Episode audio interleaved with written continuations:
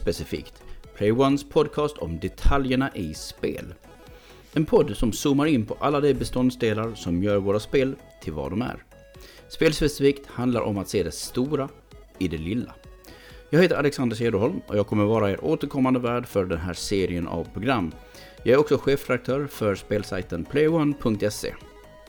Spel som annars ja, kanske högst mediokra kan bära på hemligheter i formen av nytänkande och visa sig vara långt före sin tid.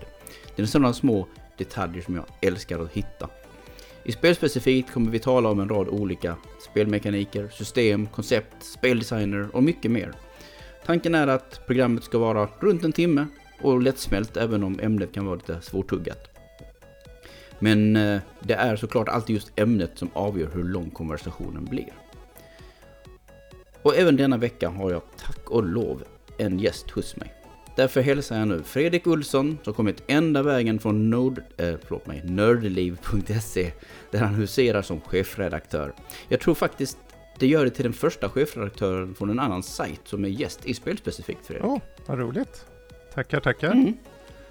För att man får komma på besök. Uppskattas. Ja, vem är du Fredrik? Förutom då såklart att du är på nördliv. Ja, nej men eh, jag är väl egentligen en hängiven eh, nörd såklart då. Eh, om det så är liksom spel eller hårdvara eller annan typ av mjukvara också för den delen. Allt möjligt tech-relaterat, det, det, är vad jag gillar. Och det är vad jag håller på med. Sen kanske man skjuter in lite lego ibland, för jag är lite så här eh, en ung pojke i själen, måste jag väl säga. Mm. Gillar de här arkitekt eh, De är nice. Lego också? De är nice. Ja. Eh, även om det blir kanske, det blir på sistone en hel del så här eh, hard to find lego som är typ som Ecto One så här eh, från mm. Eh, Ghostbusters, den bilen. Det är kombinerat liksom teknik-lego möter eh, fin-lego inom situationstecken. Mm. Men lite, va lite av varje. Ju, jag har helt ärligt inte uh, byggt lego på väldigt många år. men när man ser en del vänner som gör det så blir man lite så här, det kliar lite i fingrarna. Ja, jag hade ju inte gjort på länge heller. Vi började här för kanske ett par månader sedan. Uh, ja, så det är ganska nytt? Ja, det är ganska nytt. Men jag har ju alltid gillat lego liksom. Uh, ända mm. från barnsben. Men nu på sistone har det blivit just den här, när, det har kommit lite mer special. Jag vill inte ha en miljard olika lego-grejer i hemmet, men några väl utvalda objekt liksom som, som passar mig. Mm. Så. Mm. De finns här, byggs ihop. Det är som ett, eh, det är, det är egentligen bara, du vet, man lutar sig tillbaka och bygger. Det är ju som pussel ungefär, fast i 3D. Mm. Härligt, mm. avslappnande. Fast, fast, ja, fast man följer en instruktion i princip hur pusslet ja, ska precis, byggas. Ja, precis. Det är så här eh, meditativt för mig, liksom sitter där, okej, okay, vad är nästa bit? Mm. Ja, men den här. Ja, typ så. Mm. Men det är lite, det är lite av vem jag är i alla fall. Det är lite om vad det här, ja. precis. Är det någonting annat du vill tillägga? Oj. Är det bara att köra? Ja, nej. Det, jag, jag, det är egentligen bara att hoppa in på typ sociala medier. Eh, Dr. Snap, bara söka på tror jag det så mm. hittar man mig om man vill se mer av det här. Men eh, ja, det räcker väl tror jag. Vad spelar du just nu? Ja, just nu är det Elden Ring som jag sitter med. Eh, ja. Och då kan man ju tänka, ja men alla kör Elden Ring, men jag kör det mest för att jag har inte kört så mycket Souls över, överhuvudtaget. Så att uh, jag tänkte, men det kanske är en bra väg in här och det har uh, bättre än jag trodde sett till, för mig då, att komma in hit faktiskt. Mm. Jag var lite så här, åh, hur ska det här gå? Men det har, det har gått okej. Okay. Jag, jag var ju snubblande nära att kanske falla ner i Elden Ring mm. också. Men jag, är inte heller en Souls-person, för jag, jag, nej, jag, jag orkar inte med den här stånga dig blodig mm, liksom grejen ungefär. Men var väldigt, jag blev så oh, lockad av hur så här öppet utforskande. Och är det någonting jag gillar så är det som att utforska och upptäcka saker. Men Precis. sen kollade jag på liksom någon som spelade som kunde också rätt mycket. Och då kom jag bara fram till att men allting handlar ju lite som jag misstänkte om att ja, det är utforskande. Men i grund och botten så handlar det bara om att utforska till nästa stora boss eller någonting. Och inte riktigt det som jag kanske vill ha. Som jo, Zelda alltså det är ju så, alltså det är ju inte för att vara elak och så, men det är ju också så här att många ser ju på, särskilt det här spelet då är ju så hypat att man ser det som att det är det bästa som har hänt sedan skivat smör. Jo, jo. Men eh, i grund och botten så är det ju en ganska enkel spelmekanik, liksom. det handlar bara om att ta det fram, precis som du sa där, nå ända till nästa boss. Du kan ju, här är Mm. skillnaden att du kan ju gå runt den nästa bossen och kanske ta bossen efter, men det är ju lika svårt där. Mm. Alltså, Men det är fortfarande det det handlar om. Det är inte så mycket andra saker man... Nej, alltså, det är ju det. Tyckte jag. precis. Och, där, och därför, så eh, From Software, ni fick mig inte den här gången heller. Inte den här Det var gången. nära. inte den här gången. Istället så sitter jag och spelar något jäkla Zelda slash Souls-aktigt. Tunic. av Tunic. Ja, just det. Yes! Det diggar jag. Det är superbra. Mm. Eh, och jävligt utmanande, men där var jag tydligen så här, nej men jag är okej med utmaningen, för jag gillar verkligen själva utforskandet och jag gillar det här mm, meta-grejen liksom, Precis. med manualen och så vidare. Och jag pratade med Douglas i förra programmet om hur jag älskar när man sitter på, alltså när kunskap skjuter dig framåt, som i Outer Wilds och så Ja. vidare, eller The Witness. Och inte bara ett nytt föremål tar det vidare, utan nej, det är din kunskap. Mm. Och du kunde gjort det här från början, men du visste bara inte om det. Och jag bara, åh, jag älskar det. Liksom, jag älskar sånt. Ja, ja, men det är sant. Det är sant. Ja, jag har också testat Tunic en del. Det är riktigt mysigt faktiskt. Mm, mm, mm. Ja, alright. Uh, så det är vad vi spelar. Men då ska vi se.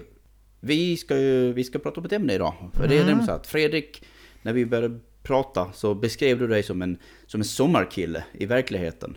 På insidan eller i spelvärlden så är du en höstperson. När du stiger in i spelens värld då är du en höstperson sa du.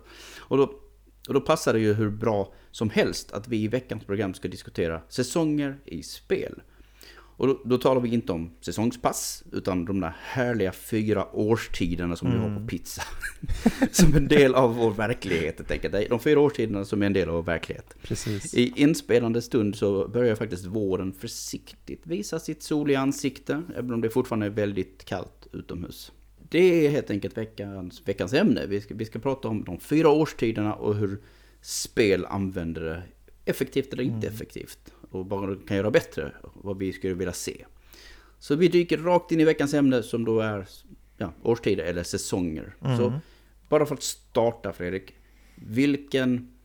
I, du sa ju själv precis, i verkligheten eh, så är du en sommarkille. Precis. Så är, det, är det den bästa säsongen? Är sommaren den bästa säsongen? Bara så här spontant. Du menar i spel eller i verkligheten? I verkligheten. Ja, i verkligheten är det sommaren för mig. Mm. Eh, Varför det, är det det? det, är för, alltså det är ju en frihet jag känner inför sommaren. Eh, och det är ju många också vad jag känner i många spel då. Just, men just det här med att du, du är fri till att... Det, jag vet inte, det är ju förvisso bara en, kanske en, någonting som sitter i huvudet på mig så att säga. Det behöver inte vara så, men det känns som att jag har friheten att ta mig vart jag vill, oavsett liksom, eh, temperatur nästan till och med.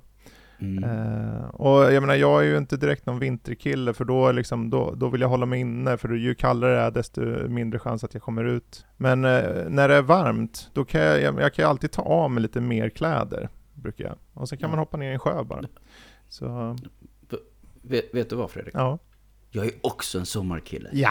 Ja, men jag- jag, jag tycker också om sommaren. Jag, jag tycker om när det är varmt. Och det är inte så att jag, oh, jag älskar supervarma temperaturer och måste Mm. åka till Barbados. Men svensk sommar, bara så här varmt och skönt. Och t-shirt och shorts.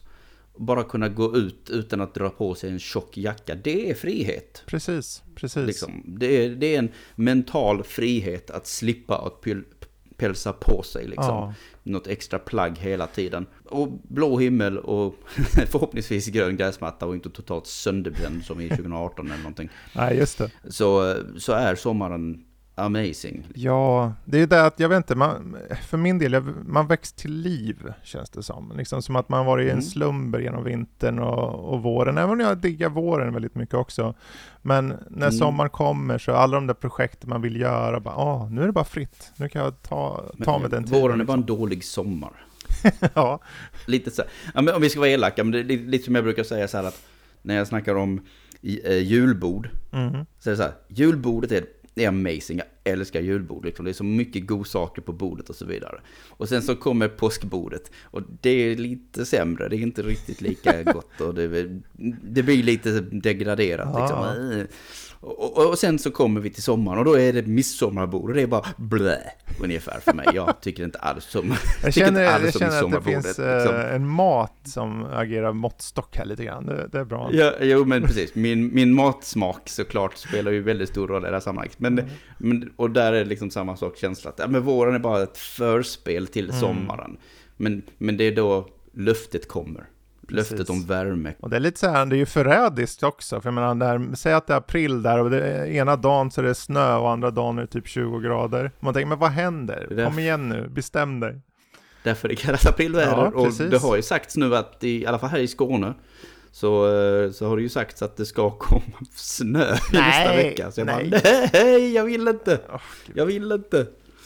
Men det ska jag ge i våren i alla fall, om jag ska säga det jag tycker är positivt med våren, att där, där liksom allting har varit det har varit grått och det har varit kallt och det har varit dött liksom. Mm -hmm. Så börjar det liksom, man, man hör eh, bäckar porla och det börjar komma mm. upp de här vårblommorna. Livet! Jag bor i Örebro. Det börjar komma liksom. Jag tänker, har ni bäckar som porlar där liksom? För, ja, men det är just, I Malmö så är det inte så mycket ja, bäckar. Nej, det är inte så, nu menar jag metaf alltså här, eh, när våren mm. väl kommer liksom. Så, ja. eh, och jag menar, här har vi börjat sett en, en hel mängd sådana här klassiska snödroppar och sånt och det känns som att okej, okay, nu börjar det. Nu börjar det. Och jag vill bara se att livet kommer tillbaka liksom. Det är där. Mm, det, det, det är löftet om som sagt värmen och mm. sommaren som kommer. Uh, så, som sagt, jag gillar också som, uh, våren. Jag var väldigt ledsen förra året för jag tyckte inte att vi fick någon vår. Nej. Jag tyckte vi gick nästan från vinter och rätt in i sommaren. Det var nästan ingen upptakt. Det var kallt ända in i maj. Bara tjoff. Tjoff. Tjoff. Det kan väl vara charmigt, för det fick ett väldigt bra juli här nere i, i Skåne i alla fall. Vilket eh, juli brukar ändå vara en ganska, mm. ganska vet, klassisk shitty, regnig sommarmånad. Mm. Men det var faktiskt väldigt bra. Ja. Men som sagt, okej, okay, men då är vi sommarkillar bägge två ja. i, i vårt hjärta. Men i spelens värld så är du en höstperson. Precis. Uh, det är lite så här, man tänker, men varför är det så? Ja, jag vet inte. Det, det är många av de här spelupplevelserna jag haft så har det varit liksom spel där det är alltid, du vet den här inledande delen av hösten som det representeras i spel, det vill säga när du vet när, när de här höstlöven är sådär fullt orangea som värmer upp eh, det visuella, liksom presentationen. Ja men som, vet det är den vackra årstiden. Mm. Alltså, alltså sommargrönt är fint också. Och du vet rosa blommor som börjar knoppa i våren. Mm. Men alltså ingenting kan mäta sig med en riktigt fin ett höst, alltså höstlöv och så vidare. Precis. Det är vackert. Ja. Det brinner, hela, hela skogen brinner. Fast på ett positivt sätt. Sen är det ju också det att det, det, man får i spel är just idyllen av det. Att det, liksom, det är ju konstant i, det, i den specifika perioden liksom oftast. Det är, det är inte som att man får den här slaskperioden direkt efter alla löv har fallit liksom. och, och och det är liksom bara grått och trått. Utan det är liksom, som exempelvis, jag körde i Forza Horizon så här. Och då, är det liksom, då mm. har man fått höstsäsongen där liksom det är sprängrött, det är knallorange och det liksom, det, det, den här värmen då sprider sig. Och hösten liksom bjuder in en då på något sätt nästan. Ja men utforska det här landskapet mer, ta och åk dit bort och eh, ta reda på vad som händer bortom krönet och så. Och sen stannar man till bara och tittar så här får man in den där atmosfären, super, eh, liksom super in hela, hela känslan på något sätt. Ja men det är en stor, varm, mångfärgad famn mm. liksom som breder ut sig för en. Fastän kylan faktiskt är på väg. Som sagt, det är en väldigt vacker årstid. Och det är ganska intressant det du sa om att spel belyser ju inte, de, de romantiserar hösten. Mm. Kan man ju säga. De, de visar ju inte slasket och regnet och när det kommer. Utan det är oftast, som du säger, alla de här fina färgerna som vi presenterar. Men är det så mycket spel, är, är, har du ett spel som mer än Forza som du ja. tycker gör detta bra? För hösten är inte så här superrepresenterad i spel hela tiden. Nej, precis. Uh, Ja, sett i höst så finns det väl egentligen, det finns ju olika spel som har olika sektioner eller regioner. Breath of the Wild hade ju den här mm. Akalla region till exempel som stod ut där på att det var så här crunchiga löv som böljade sig fram under liksom under en steg och så. Eller varför inte ta upp liksom Witcher 3 där du liksom har regioner som är betydligt mer åt höstlika hållet. Och det, det roliga då i de här sammanhangen är, tycker jag, att som Witcher 3, de, det är mycket som ger en slags atmosfär där. Men också den här nästan mm. ödesmättade tonen som kommer fram.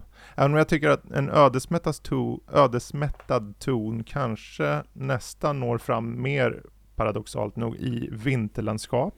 För det är lite såhär kargt mm. och det är liksom förjävligt ja. på vissa sätt.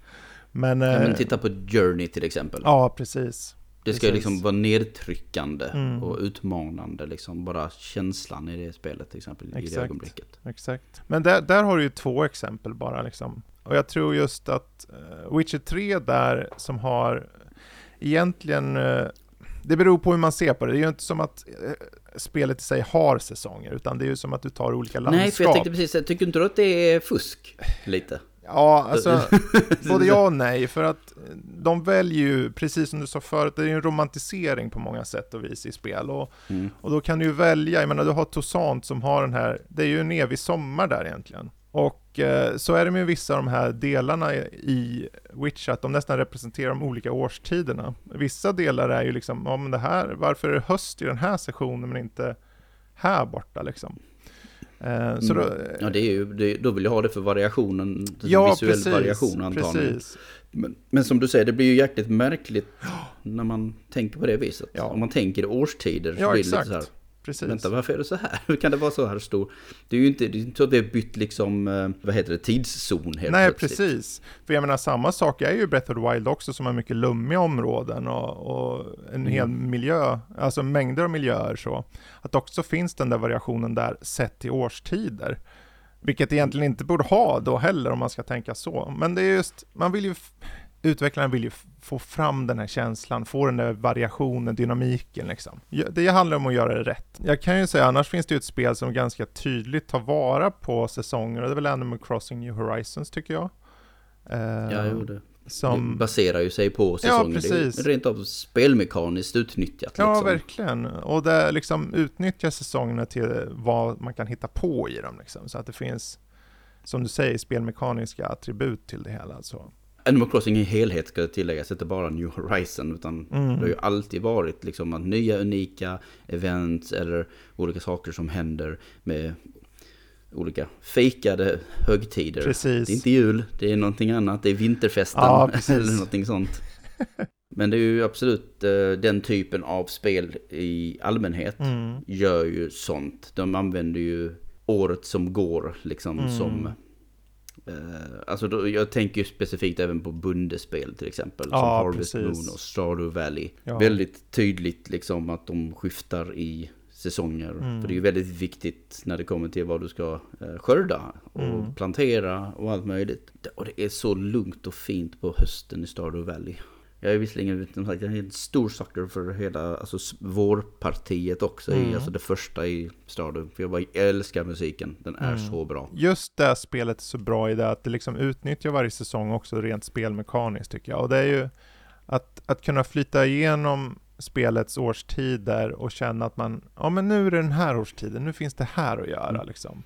Eh, det gör ju att man sätter sig, men jag, jag, ska nog bara köra lite till. Bara lite till. Mm. Ja, det är sånt långs... De har så speedat upp eh, en, en hel årstid. Mm. Men på ett sätt som jag ändå känner att jag ändå försiktigt glider igenom den. Och att jag...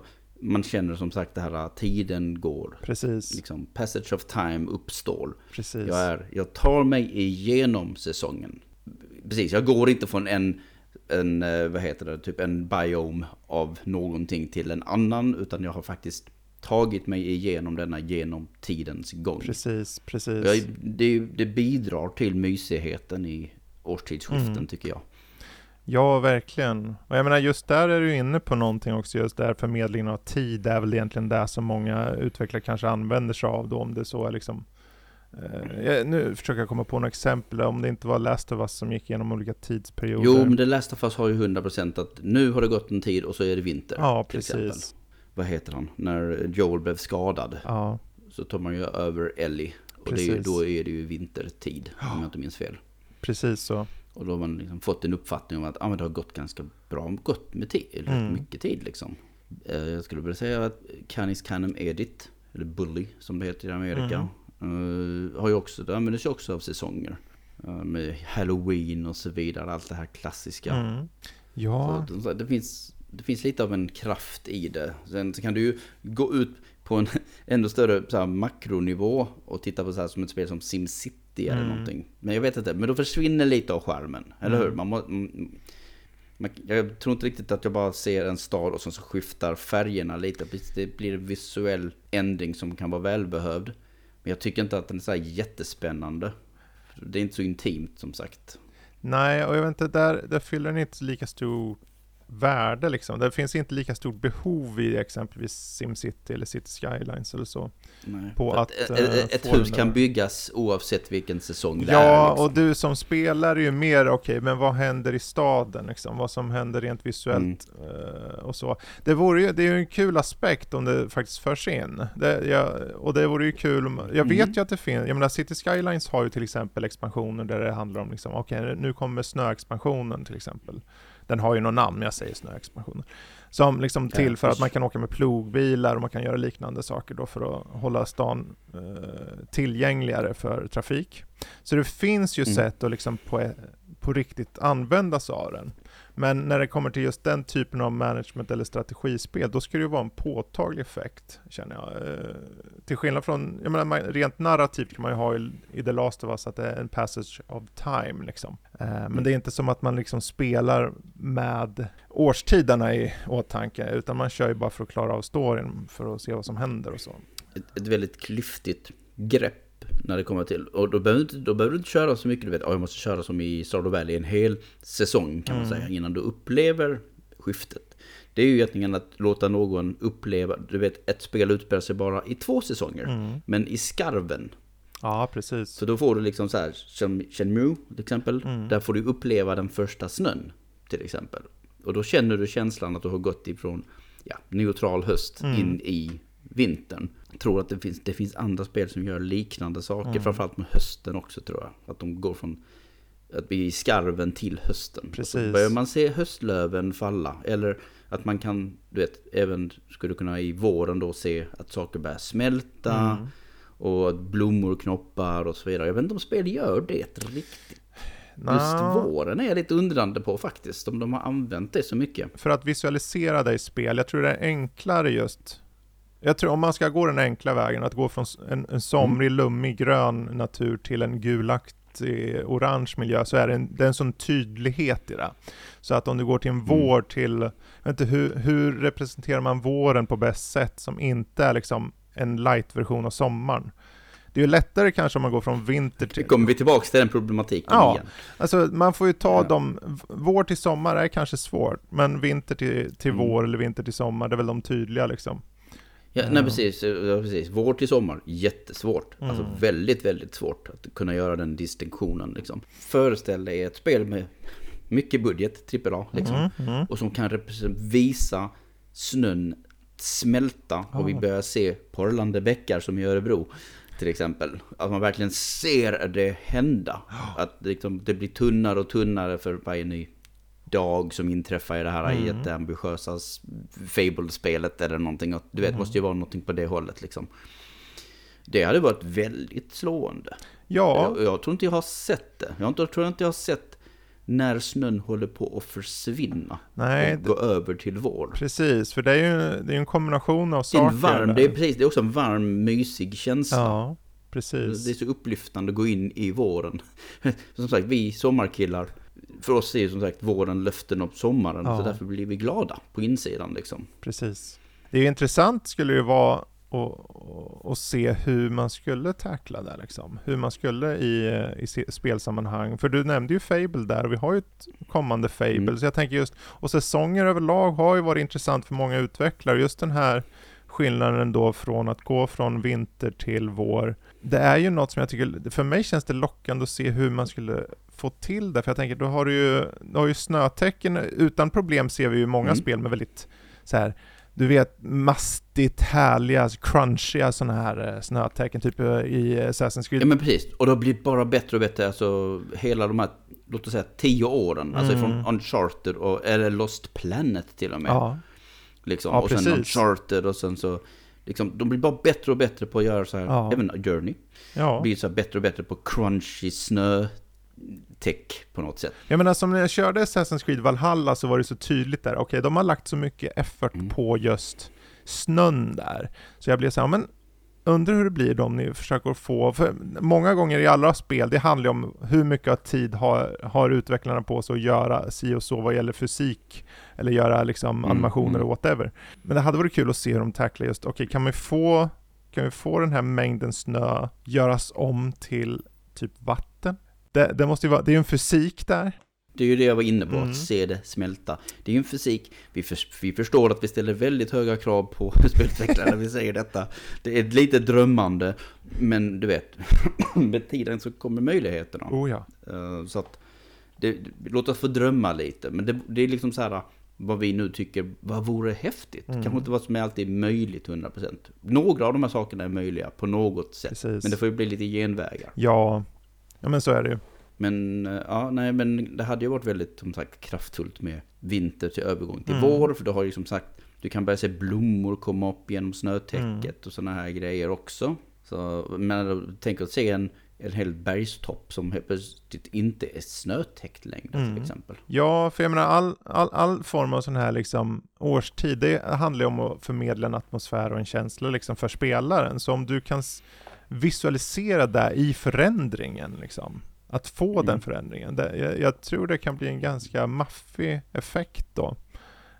Och fåglar och djur. Ja, Kom jag på också nu. Precis. Liksom, om jag hade börjat se liksom någon ekorre springa runt Mm. på marken eller liknande. För den fanns ju inte där på vintern. precis. Då hade jag också börjat få den känslan eller höra fågelkvitter. Mm. Det är ju ett tydligt tecken på vår i vår, vår riktiga värld. Liksom, Alltså någonstans i. Tyskland görs det en simulator på det här just nu. någonstans i Tyskland. Varför då? Är spelspecifikt väldigt populärt i Tyskland? Vad vet? Simulatorer är ju väldigt poppis i, Ja. i eh, Tyskland. Oerhört poppis. Eh, kanske inte fysikbaserade sådana, men jag hoppas ju det i alla fall. Fast de gillar väl mest på traktorer och bussar och Oj! sånt, eller? Ja, alltså du, det är ju mängder. Det är ju... åh. Ska vi ha årstidssimulator menar du? Ja, varför inte? Fast å andra sidan, jag jag, tror inte. säkert ingen... Jag slår vad om att vi inte känner till att det finns någon typ av sån här enkel... eh, du vet, som tänk dig SimCity i något Mm. isometriskt perspektivaktigt. Men där det bara är att det handlar om att forma ett landskap och så, så ser man hur det ändras beroende på vilken säsong det är. Så det blir snö och det blir allt det där. Det, det är allt den gör. Det finns, inget, det finns ingen gameplay direkt och så vidare. Men det finns säkert någon som har gjort det liksom tekniskt möjligt förmodligen. I eh, Farming Simulator så finns det ju så att du kan få seasonal growth till exempel. Eh, Och då Mm. är det ju att Vad innebär det? det innebär egentligen att du, du får naturen som påverkas av det, alltså växter som väcks på grund av hur lång tid tid har gått i verkligheten. Eh, och det kan du få på ett visualiserat Oh, Oj, wow. sätt. Är det så Animal Crossing element i princip? Ja, kanske det. Du vet, riktig tidigång Du kan ju liksom. välja det beroende på om, okej jag vill ha det att förändras per dag, du kan ha också att snö faller och att eh, liksom marken får ett snötäcke på sig. Du kan också stänga av de här aspekterna, du kan variera, du kan ställa in, okej jag vill att det ska vara på 28 dagar, jag vill att det ska bytas varje dag liksom. Men det finns att eh, sätta på i det, jag vet att det finns i eh, Farming Simulator 22. Och jag tänker, Mhm. då kan du få 12 månader på kontinuerlig liksom. Hur det ser ut, jag har bara sett bilder på det. Det vet jag inte hur det är i praktiken liksom när man ser det live. Men jag vet att det finns och det, jag, jag tycker det är ganska häftigt ändå. För många säger, ja men Farming Simulator, vem spelar det egentligen? Alltså det är väldigt många. Väldigt många spelar det. Ja, oerhört många. Inte vi, det, vår typ av spelare. Men det är väldigt många som spelar det. Mm, absolut. Det finns en anledning varför det kommer ut nya hela tiden. Exakt. Jag menar, där finns det ju sådana här crop calendars. Så du, liksom, du behöver ju veta, okej, nu ska jag... När ska jag plantera vetet? När ska jag plantera majsen och så vidare och så vidare. Och då, bör, då behöver man plantera i rätt månad i och med att den har då en eh, 12 månaders cykel i spelet. Ja, om, om, alltså, skulle, det skulle inte förvåna mig om man kan i princip göra detta alltså, i realtid också Mm. i sånt spel. Absolut. Alltså riktiga hardcore-versionen av det liksom. mm. Det, det känns ju inte alls omöjligt att någon som har tyckt att det ska vi göra. Precis. Folk ska känna sig som bönder på riktigt. Riktigt. Ja, absolut. Ja, Tyskland är galna och vi älskar. Uh, men ja, det är som sagt, nu när vi pratar om mm. det här med, vi pratar väldigt mycket om säsongsskiften, ja. det här med skarven för att förmedla känsla. Och det är ganska obvious vad man kan göra och liknande. Mm. Men om vi eh, så här, zoomar in lite på eh, någon säsong mm. och så kan vi, liksom, vad kan man göra i ett spel? För vissa, många spel vi pratar om nu är det ganska mycket kanske 3D tredje persons first person shooters, nej inte shooters men you know, liksom den typen av spel. Ja, jag tror precis. det är det vi pratar om just nu väldigt mycket. Och sen så sitter jag här och tänker också, men 2D-spel då? Mm. Du vet, plattformsspel. Vad hade du? De brukar leka ganska mycket med, inte säsonger, men du vet, element. Mm. Och ele, liksom, den klassiska är ju att vintern är ju väldigt eh, spelmekaniskt vänlig, mm. om man säger så. Eller ovänlig, om, om man hatar hala underlag och så vidare. Mm. Vad skulle man kunna göra spelmekaniskt med de olika säsongerna? Vi, vi, vi bara börjar med en säsong till exempel. Har du ett förslag? Vad vill du prata ja, om? vi kan väl börja med vintern och kolla vad man kan göra där då, ja. när du ändå var inne där. Då kikar vi på den. Vi tar den enklaste först mm. kanske. Men som sagt, det, precis, det är snö, så det blir, man kan, det kan, man kan liksom traska långsammare. Mm. Det hindrar framfart. Det har man ju känt som sagt i de här mm. spelen där det är medvetet att det ska vara trögare till exempel. Som i Uncharted eller även Lost Planet var faktiskt trögare. Och vi kan ju bygga upp snöbyar eh, och sådana här grejer. Liksom mer ackumulera ihop Precis. snö med dagens teknik. Lite enklare också. Ja, exakt. Och det går ju också på viss, alltså vi har ju hela survival-genren egentligen som kan addera just det här med eh, hur kylan påverkar dig då som spelare, att det kanske du behöver vara i lä och liknande och, och att du kan få in dig i spelmekanik. Ja just det, kylan liksom. i sig själv är ju, alltså det, precis, då går vi liksom mm. in på Breath of the Wild igen till exempel. Att olika mm. områden, biomer eller någonting liksom har olika krav på vad man klarar utan kläder eller inte. Mm. Det är faktiskt det som Zelda gör där är ganska, jag, jag har inte sett det så mm. mycket andra spel. I synnerhet så är ju liksom Link väldigt animerad när han visar att jag ska inte vara här. Mm. Uh, så är det väldigt direkt att man får instru liksom, visuell instruktion om att någonting är fel. Du ska inte vara här. Inte utan att du är redo i alla fall. Ja, det finns väl inslag av det till exempel i Skyrim till och med. Eh, mm.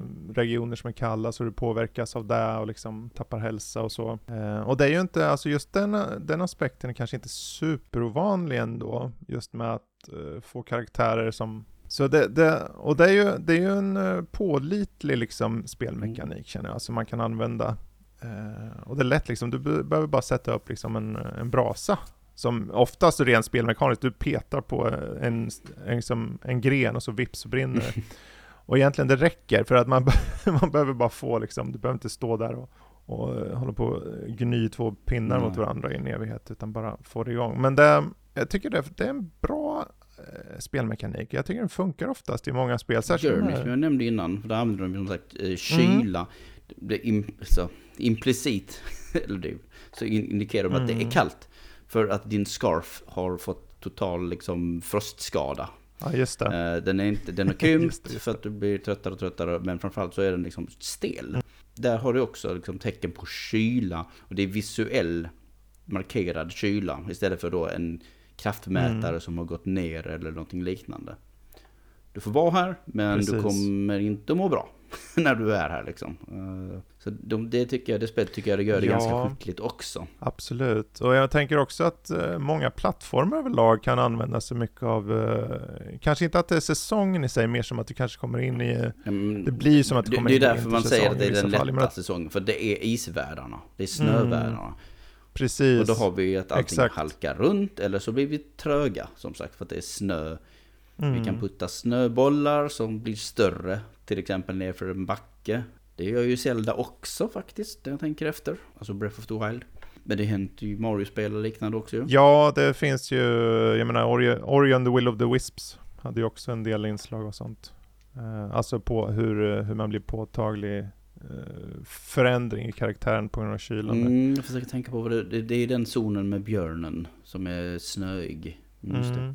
Och den är också ganska mysig, för den har också så här element element, bokstavligt element av eld. den, den, har äh, mm, facklor eller lyktor och sånt. Så vi gör som, åh, här är det mysigt.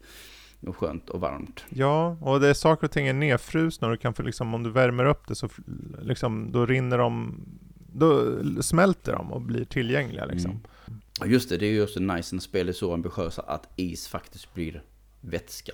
Det har ja. vi ju pratat om, men på 3D-nivå är det skitsvårt. Men på 2D, där är det lite mm. mer möjligt liksom. Precis. Uh, precis. Som sagt, uh, sta, inte stalaktiter, men alltså istappar är också en klassiker. Så, som faller från taket ja, till exempel. precis. Det är lite nästan en trope ja. sådär. Om man går in i en grotta så är det alltid någon som ska falla en i mm. huvudet sådär. Men det, jag menar, funkar det så funkar mm. det. Det är inte mer än så. Så är det. Och så fryst vatten i allmänhet mm. liksom. Att, ja men det har du ju, då har du ju Forza Horizon 4 hela sjöar är ju oh ja. frusna i det spelet när man kommer till vintern. Precis, precis. Ja, och därmed låser det upp. Ibland så finns det liksom, förvisso är ju de flesta sjöarna väldigt, väldigt, eh, de är ju inte direkt djupa om vi säger så. Så du kan ju köra även på sommaren. Men eh, oftast är det så här, nu har den här eh, sjön frusit till och nu plötsligt finns det en, ett specialevent på den här lilla ön som du kanske egentligen inte ens tänkt ta det till eh, under andra säsonger. För att nu är det liksom så uppenbart att du kan bara köra Coola med bilen. idéer nu i sådana här typ äventyrande spel, verkligen. Som, mm. låt säga Fable igen. Bara för Fable är en sån typ av spel som man säkert hade gjort det. Precis. Och försökt klämma in säsonger och liknande. Hej, det är Playground Games. Mm. Playground Games som gör det till och med. De har gjort ja, detta tidigare. Precis. Så kom igen, do it. Uh, precis, och bara precis, oh, wow, där är ett slott borta i, på sjön. Hur ska jag komma över dit? Det finns det flygmaskiner eller någonting. Och så mm. väntar man in vintern.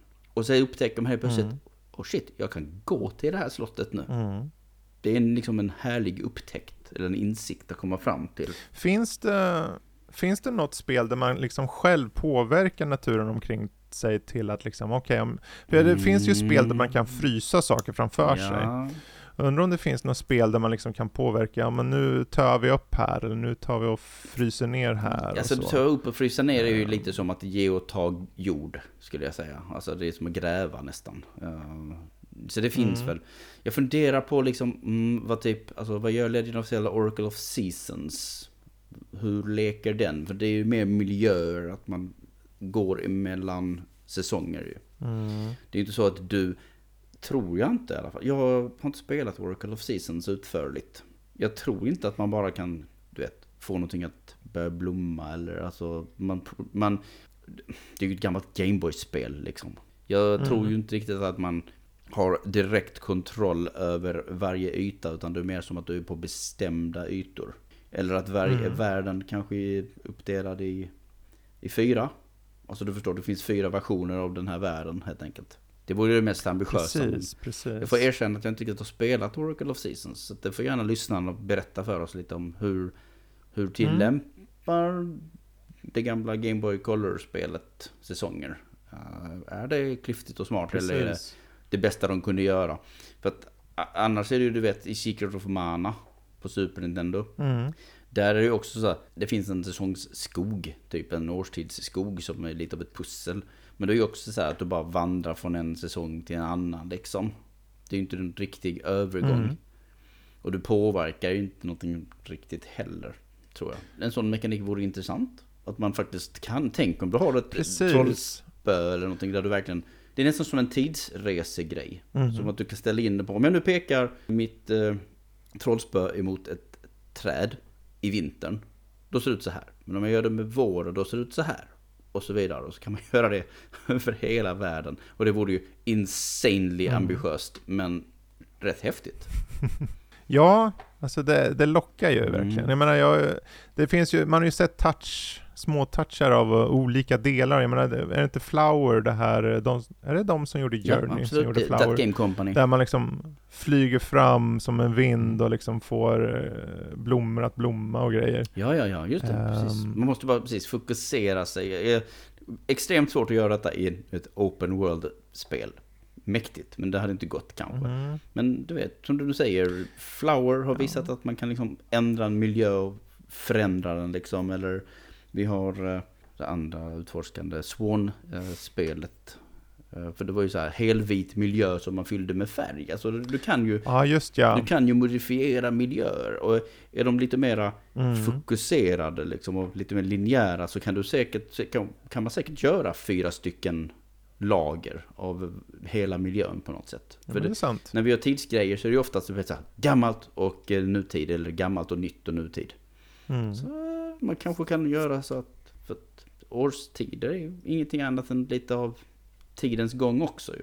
Det är bara att vi är väl ute efter hur det representeras, kanske visuellt och funktionellt. Eh, en riktig klassiker för mig, det första jag tänker på när jag tänker Mm. säsonger eller årstider i ett spel och som jag också dessutom gör det spelmekaniskt, spelmekaniskt briljant faktiskt också, är, är Banjo Kazooie. Har du spelat det? Okej. Mm. Nope. Det finns en bana, den, eh, vad är det spelet? Det är nog spelets sista bana faktiskt, tror jag. TikTok Wood. Som är ett, en stor, det är en skog och så är det ett stort jätteträd i mitten av banan. Och det utgör liksom Okej. grunden av banan egentligen. Och du kan gå ut ur banan, eller vad är det man gör? Jag minns inte exakt. Oavsett, det finns fyra stycken säsonger, eller fyra årstider. För samma miljö. Och Mm. du tillämpar då olika, eh, så precis då, vår, höst och vinter och så vidare. Och sen så blir det kedjereaktioner in i olika säsonger ifrån en. Om du gör en sak i en säsong så händer det, blir det en konsekvens i nästa. Ett uppföljande äventyr eller pussel till exempel. Att du, oj jag lyckades vattna blomman eller, eh, i våren och då blommar den på sommaren till exempel. När man går in i, i Mhm. världen igen men i sommarläge istället. Och det finns ett så här jättelångt där man hittar ett ägg tror jag och så ska man få det att kläckas till slut och så blir det en fågel och sen så eh, hittar man den till slut som en örn tror jag och så får man en jiggy i slutändan. Det är nog det en av de Mhm. längsta, jag tror den går igenom alla säsongerna. Mm. Men det är väl en fräck liksom användning av det för systemet Ja, faktiskt. nej men jag, jag Ja, tycker det det. Det är en av de så här som jag verkligen tänker. Jag beskriver det lite dåligt men det är, du kan säkert föreställa dig lite vad, vad det gör liksom. Mm. Jag, jag gillar vad, vad Benny Kazooie hade att komma med på den fronten. Och ingen har riktigt gjort det efteråt heller. Här är en bana och den kan skifta mellan alla de här årstiderna. Och idag hade du säkert kunnat göra det lite effektivare. För jag tror att du tvungen att sprung, springa ut ur banan och springa in i den igen i höstläge till exempel. Jag tror att man gick in i en just det. och sen så bytte man. Du hade säkert kunnat göra en Mm. mer... eh, Ja, så med dagens teknik med SSD så, så som hur uh, Ratchet Clank Rift till exempel, hur det funkade. Med direkta övergångar liksom från uh, nutid till dåtid och sådana grejer. Ja, varför inte göra det i fyra omgångar istället till exempel? Eller i Mm. fyra lager. Men bara på den banan. Ja, ja precis. Jag menar för med de här, med tekniken som den är idag så känns det som att sådana här säsongssystem, vi har ju haft länge liksom vädersystem och så, så det är, Egentligen handlar det om bara övergångar av, varje, liksom, av animationer om du vill göra väldigt förenklat Mm. liksom. Så att jag tänker, jag tänker att vi, det kommer komma en dag där vi faktiskt ser det här. Jag känner mig ganska... Jag känner att det kommer hända liksom. Eh, och just kunna utnyttja de här olika, som vi har varit inne på tidigare, just att man får de här spelmekanik eh, elementen då per säsong liksom, som kanske påverkar. En varm som, sommar kanske påverkar din stamina om det är för varmt till exempel. okej. Eller likadant om det är för, för kallt och så vidare. Så jag Klimatförändringar, de är inte att leka med. Nej, det går snabbt. Och särskilt i spel då. Och jag menar, någonstans kanske man också kan få upp ögonen för det. Just den eh, aspekten också faktiskt. Klimatförändringar. Men det, det är en stor fråga. Ja, jag, tänkte, jag tänkte bara fråga dig, vad, vad är din favoritsäsong? Jag vet att du sa sommar, men i spel, är det också sommar eller? Det är ju det här med att sommar är, sommar i spel är ju i grund och botten kanske bara Mm. gräsbanan. alltså så det är Mm. egentligen den mest plain ass typen av nivå som man kan egentligen bjuda på. Jag kan väl tycka att de är ganska roliga. Jag gillar sådana som är lite ba- tillbakåtlutade och man kan utforska och ha det trevligt. Där det inte Mm. brinner eller är en froststorm överallt eller liknande.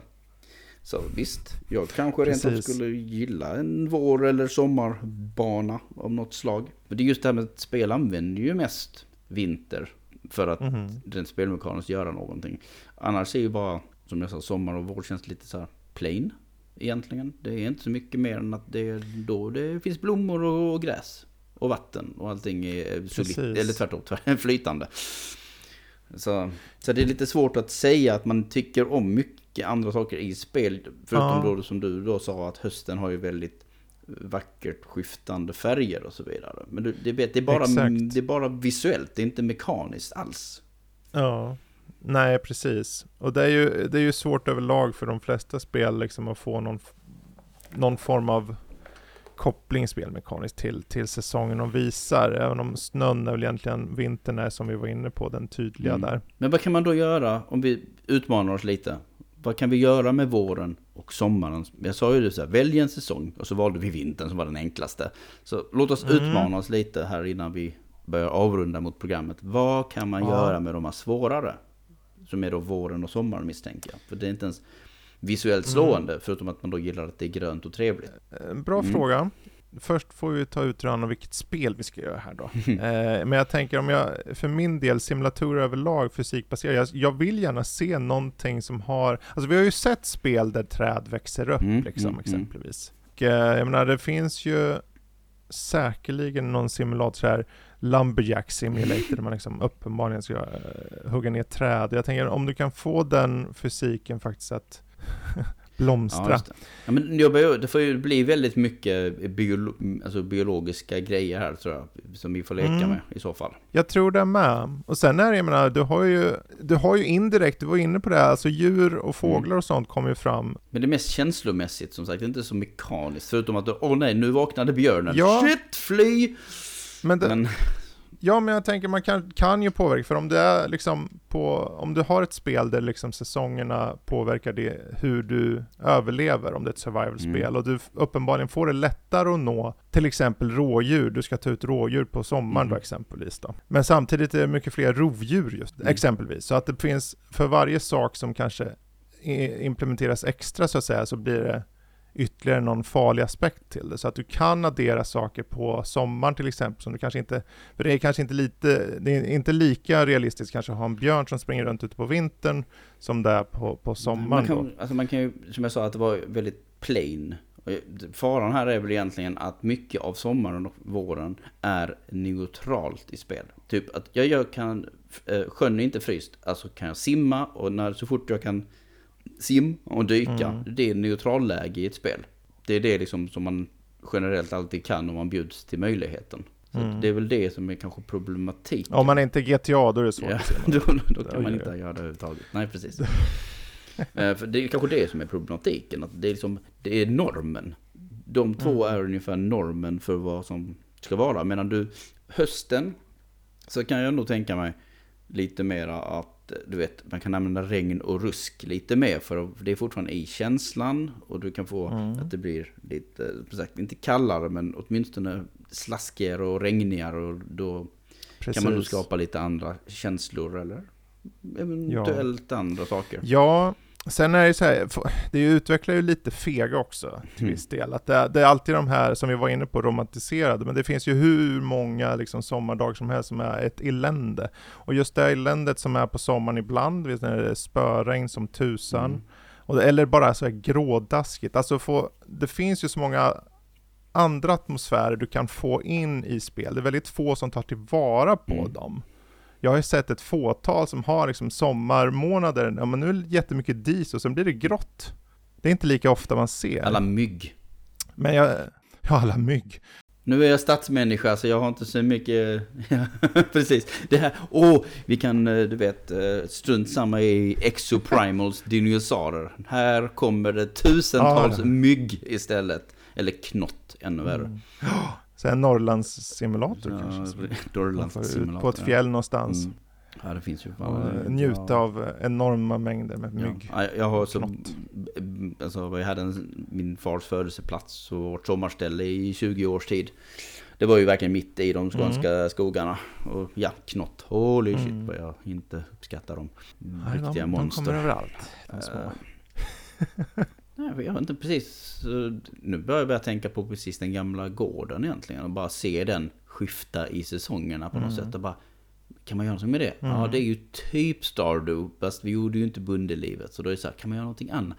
För att göra de här häftiga skiftningarna, eller för den här magin som vi snackar om. Att du vet, du i princip kan förvandla den hur du vill. Då behöver du precis Mm. kanske mer ett fokuserat område. Så varför inte bara ha någonting på en gård där det finns en, en Mm. upptäcker att "Oj, shit, jag har en magisk kraft och det finns en hemlighet liksom i familjen eller någonting. Och så kan man börja styra saker på det viset. Och så upptäcker man liksom, åh shit, här kan jag få fram liksom djurliv för att jag har tagit fram våren Mm. på det här stället. Så springer de utanför våren och så dör de i vintern. Wait. Ja, jag vet- det är så här, hur långt kan man dra det liksom? Hur, om man skiftat hela världen, om man bara skiftat en liten zon. Mm.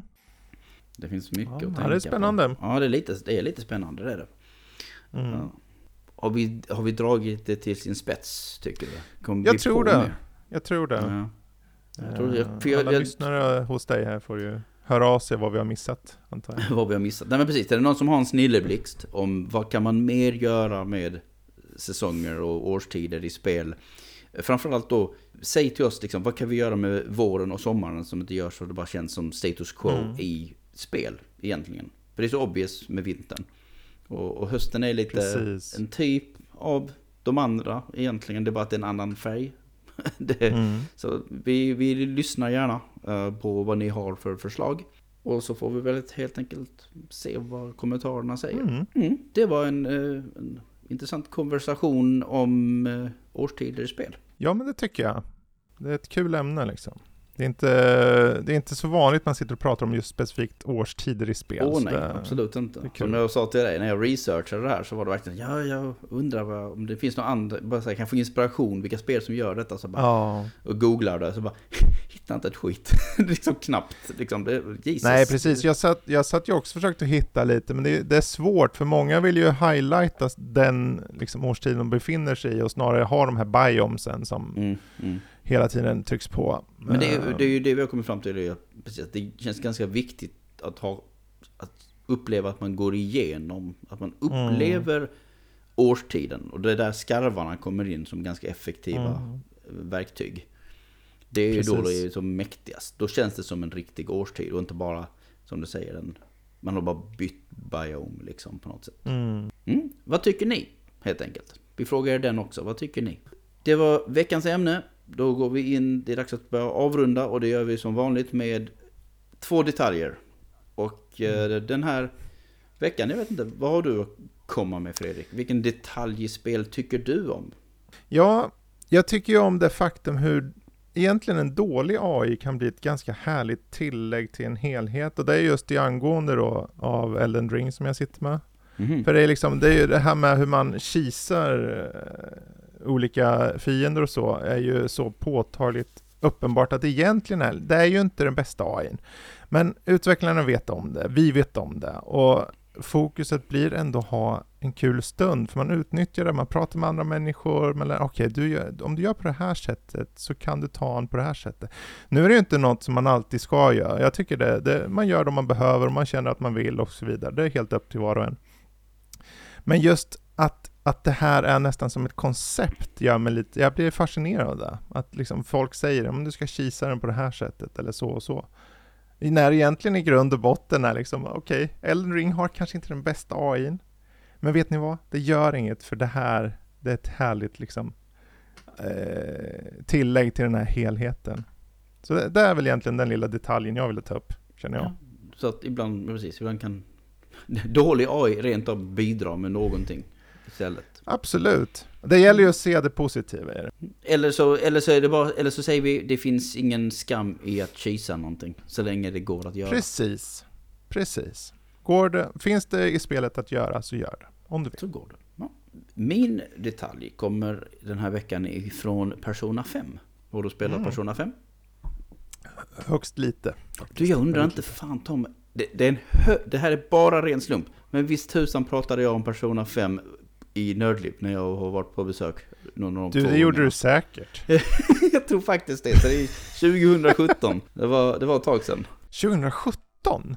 Ja, För det kom Jesus. samma år som Breath of the Wild. Jaha, ja. Det kom bara en månad senare. Jag hade väldigt bråttom med Breath of the Wild. ja. Eh, Okej. Men det jag vill belysa är att, om man kan säga så här, det utspelar sig i skolmiljö framför allt, som vanligt. Mm. Och jag tyckte att Persona 5 var otroligt effektivt på att skapa känslan hur rykten sprider sig och i sin tur skapar en känsla i, i, mm. i miljön eller i ens samhälle. Hur, den, hur eh, rykten som sagt får eget liv och hur man sen kanske fyller i luckorna själv kan man säga. Mm. En relativt så här, korrekt återspegling av internetkultur gjorde de också väldigt bra för de hade så här fake sociala medier och grejer. Och det bidrar ju till att man hör hur folk tycker och tänker om en. Det är nästan lite av en, mum, jag, kallar, jag kallar det den mumlande mobben i princip. Liksom mm. att folk, man, för man är ju de här uh, Phantom Thieves kallar de sig. Och de fick ju ett rykte. Och det ryktet hör man i miljöerna bakom så att folk pratar om saker i bakgrunden och så här. Och det görs väldigt effektivt och inte så här riktigt in your face i det här spelet. Jag gillar det väldigt skarpt. Det var väldigt mycket fokus på det i spelets inledning. Sen mm. tror jag det försvann lite. Men det är väldigt, spelet fångar väldigt väl bland annat en påtryckande mobbing-situation. Tänk som att du är mobbad och du går omkring i skolan och sen mm. hör du liksom folk prata bakom ryggen på dig och, eller liknande. Men i det här fallet då kanske Phantom Thieves och sånt istället. Bara, välskrivet kan vi väl kalla det mm. egentligen. Jag vill bara belöna Persona 5 för att de lyckades förmedla den uh, ganska otrevliga känslan väldigt effektivt och på ett ganska elegant och inte riktigt in your face sätt. Ja, och det är ändå originellt att kunna ta sig an en sån sak i ett spel. Och det känns på ett sätt som mm. viktigt så, faktiskt, att det finns. För jag tror det är väldigt många, särskilt i den yngre när man fortfarande går i skolan, som, som kan nog relatera väldigt mycket med det och kanske få ett utlopp genom att se det. Mm, förhoppningsvis på ett bra sätt då. Det var min detalj. Du har sagt din detalj. Det betyder att programmet är över. Mm. Det här mm. podcasten, den hittar ju ni på playone.se, eh, som är den sajten som jag bossar på. Ni hittar oss också på Facebook, där heter vi playone.se också. Uh, at playone-se heter vi på Twitter och samma sak på Instagram. Vi finns även på Discord där vi snackar spel och allmänt nördiga ting. Och ja, allt det här kan man nå också via vår hemsida. Vi har länkar överallt. Är det så att man tycker att eh, man vill höra mer om mitt pladdrande eller snarare skrivande så eh, tycker jag snarare att man kollar på mitt Twitterkonto. Och det är at dogma understreck. Vad är ditt Twitterkonto Fredrik? Det ska vara, om man söker på Dr. Snap så lär man hitta mig direkt. Annars är det Freddy Olsson tror jag.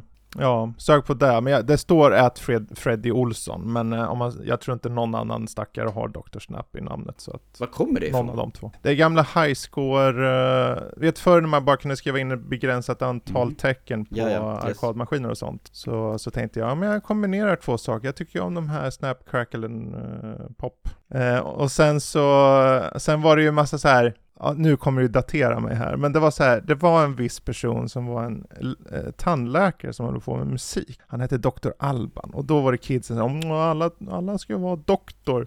Så då blev det Doktor Snap. Eh, bara för att det fick plats på sex tecken när jag skulle spela... För att du gillar Dr. Alban och Rice Krispies. Nej, jag tyckte faktiskt inte alls om Dr. Alban, men jag tyckte om idén att ha ett namn som var så. Jag var väldigt ung, jag var väldigt ung. Sen ja, har det bara ja, hängt med. Jag förstår. Ja. Okej. Okay. Och så hittar vi såklart dig på nördliv.se också. Det får vi inte glömma. Precis, precis. Och det är, ni har ju egen podcast där borta också. Ja, exakt. Vi har ju Nördliv podcast, kommer ut varje söndag. Jag gör gärna besök någon gång, det är bara att säga till. Ja, självklart ska du göra det. Det var alldeles för länge sedan nu när jag tänker efter. Ja, tiden springer. Den går det gör den i synnerhet i dessa tider. Herregud. Ja, hualigen. Mm. Men eh, jag får tacka för att, uh, att komma på besök. Alltid kul att snacka Såklart. lite. Uh, ja, precis. Jag skulle säga det var kul att du äntligen kunde komma på besök. Liksom. Det finns en podd, vi har en podd så att vi kan komma på besök. Och du är välkommen igen såklart. När vi har något annat ämne som vi tycker det här vore kul. Så du får gärna, du får gärna pitcha mig med den här typen av Absolut. ämnen. Absolut. Mm. Jag är idel öra. Den fantastiska musiken som inleder vårt program och avslutar det, som ni kommer att höra alldeles strax, eller ni hörde faktiskt i bakgrunden just nu, är gjord av Dominic Nienmark. Han har gjort spelmusik åt spel som Strike Sisters, Rival Megagun, Gravity Circuit, Mighty Goose och Blazing Chrome. Dominic hittar ni på YouTube som Dominic Ninmark. Jag ska nog stava det för en gångs skull. D-O-M-I-N-I-C. Ninmark. Så stavar han sitt namn. Och på Twitter som Dominic Ninmark. Tack så mycket för musiken, återigen Dominic. Och återigen tack till dig, Fredrik. Tack för att du ville vara med. Tackar, tackar. Mm. Och tack till alla som har lyssnat på på spelspecifikt. Vår podcastfeed heter som sagt inte spelspecifikt och den heter Player One presenterar. För där samlar vi alla våra typer av grejer som vi gör i poddform. För det händer att vi vill göra någonting annat då och då. Och då hamnar det i Player 1 presenterar. Finns just nu på valfri podcastspelare nära dig. Yes, vi finns då även äntligen på Spotify också. Det tog sin tid men nu är vi där. That's it! Ännu ett program färdigt och vi hörs nästa vecka med ett nytt ämne. Och tills dess så får ni som vanligt inte glömma mina visdomsord som jag säger varje vecka vid det här laget. Vi hörs nästa vecka som sagt och glöm aldrig att se och uppskatta det stora i det lilla.